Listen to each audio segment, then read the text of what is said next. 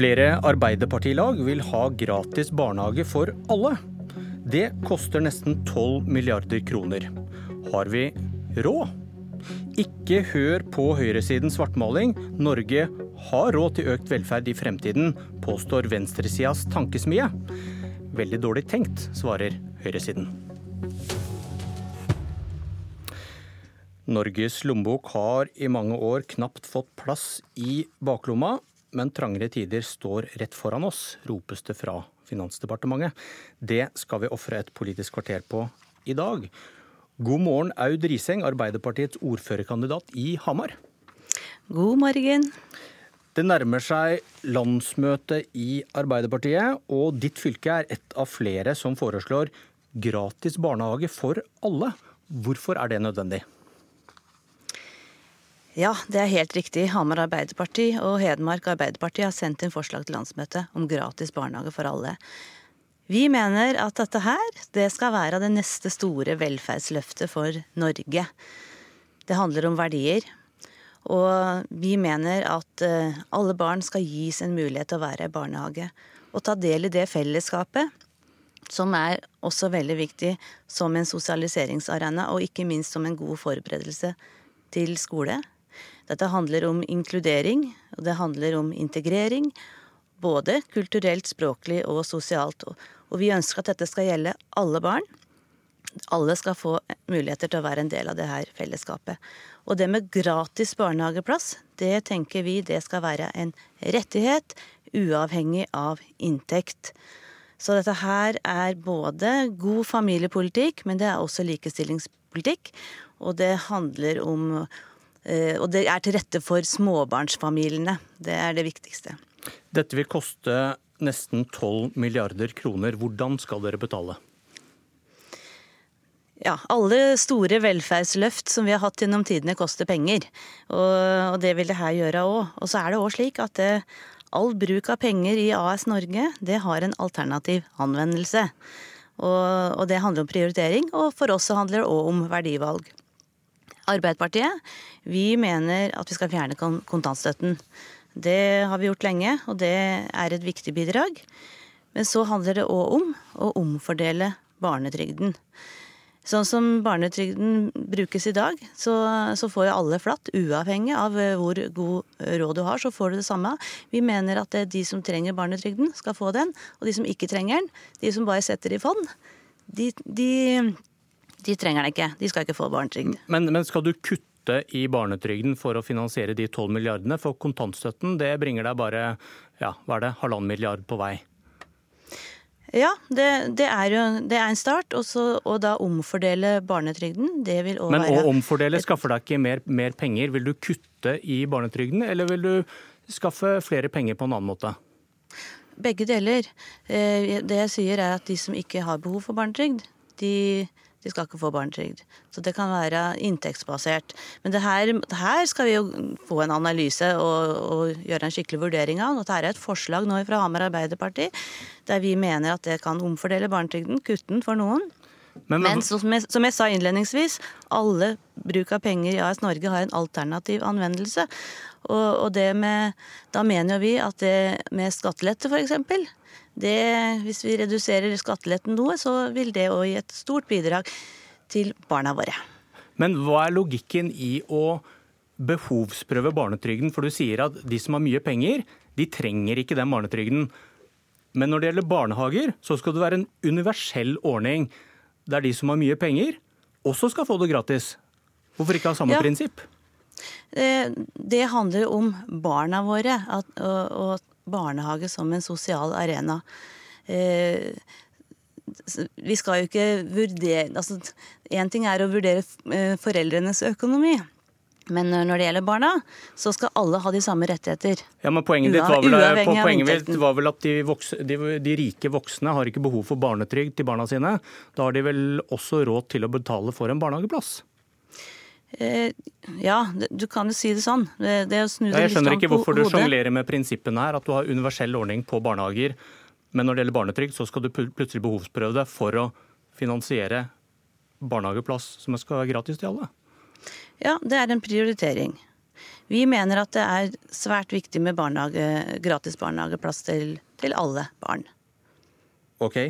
Du, Hamar Arbeiderparti ivrer også for utbygging av et av de dyreste samferdselsprosjektene i Norge, Intercity, med bl.a. doble jernbanespor til Hamar.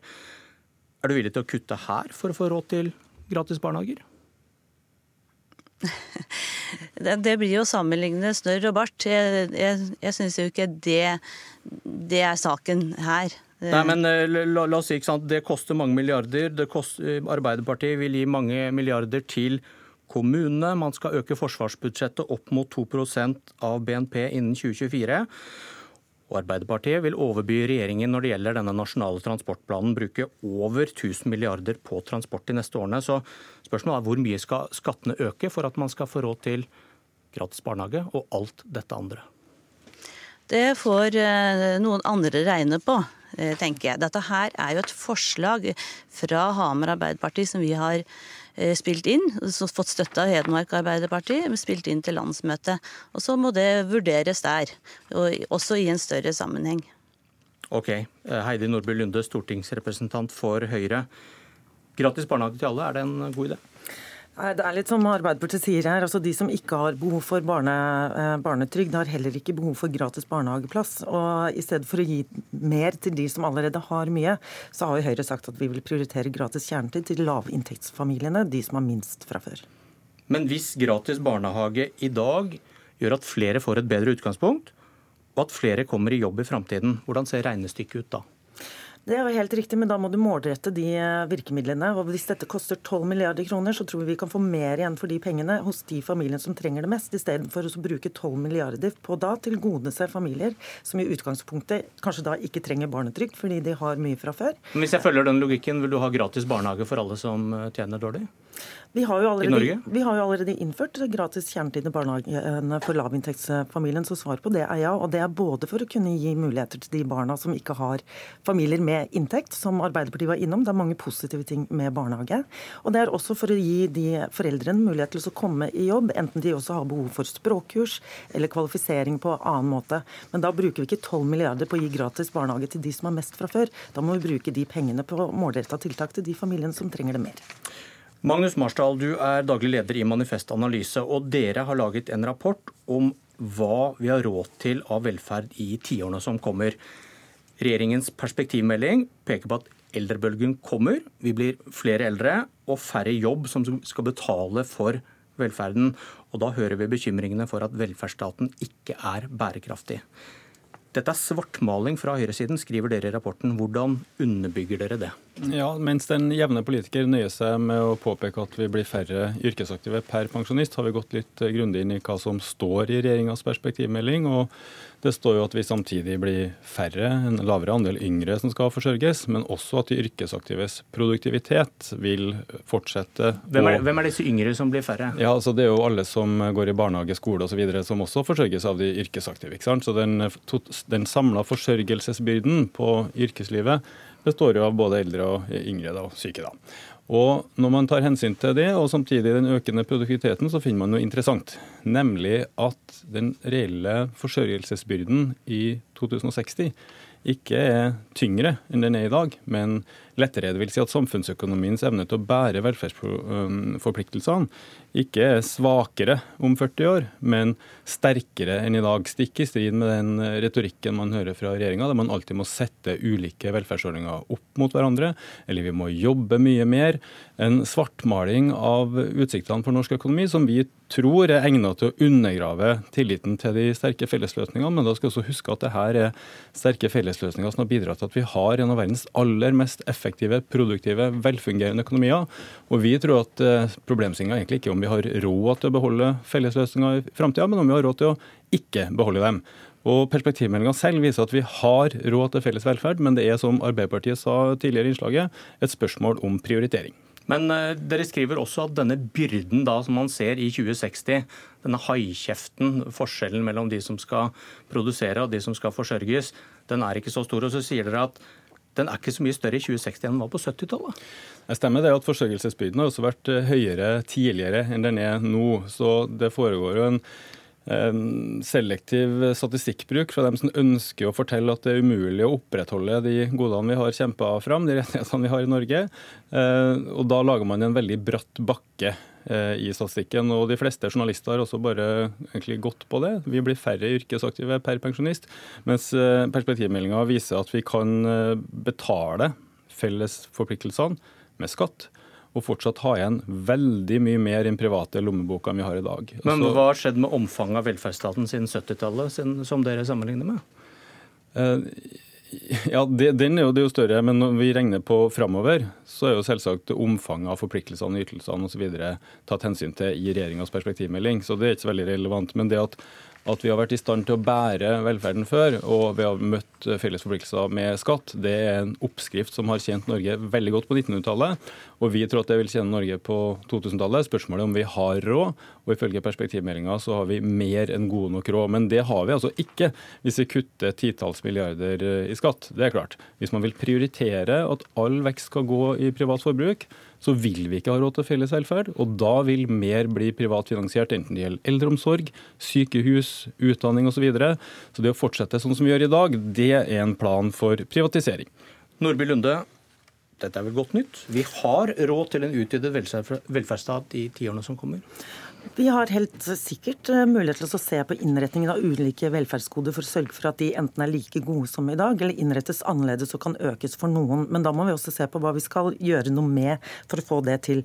Men det er jo fullstendig uansvarlig, som Marshall her gjør, å å avvise hele premisset om at eh, en eldrebølge som slår til i rundt 2025, vi er på vei inn i den, samtidig som oljeinntektene til staten Norge eh, går nedover, ikke kommer til å påvirke velferdsstatens bærekraft.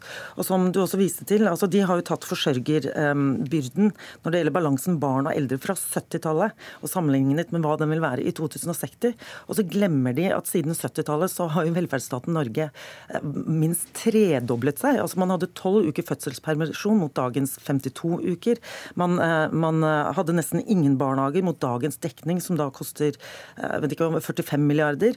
Og du har også antall ansatte i offentlig sektor som tar vare på, nemlig innenfor helse og omsorg, som gikk fra 70 000 til 133 000 på under ti år. Og bare der har du rundt 100, 100 milliarder i underdekning, hvis du skal stole på det Marshall sier.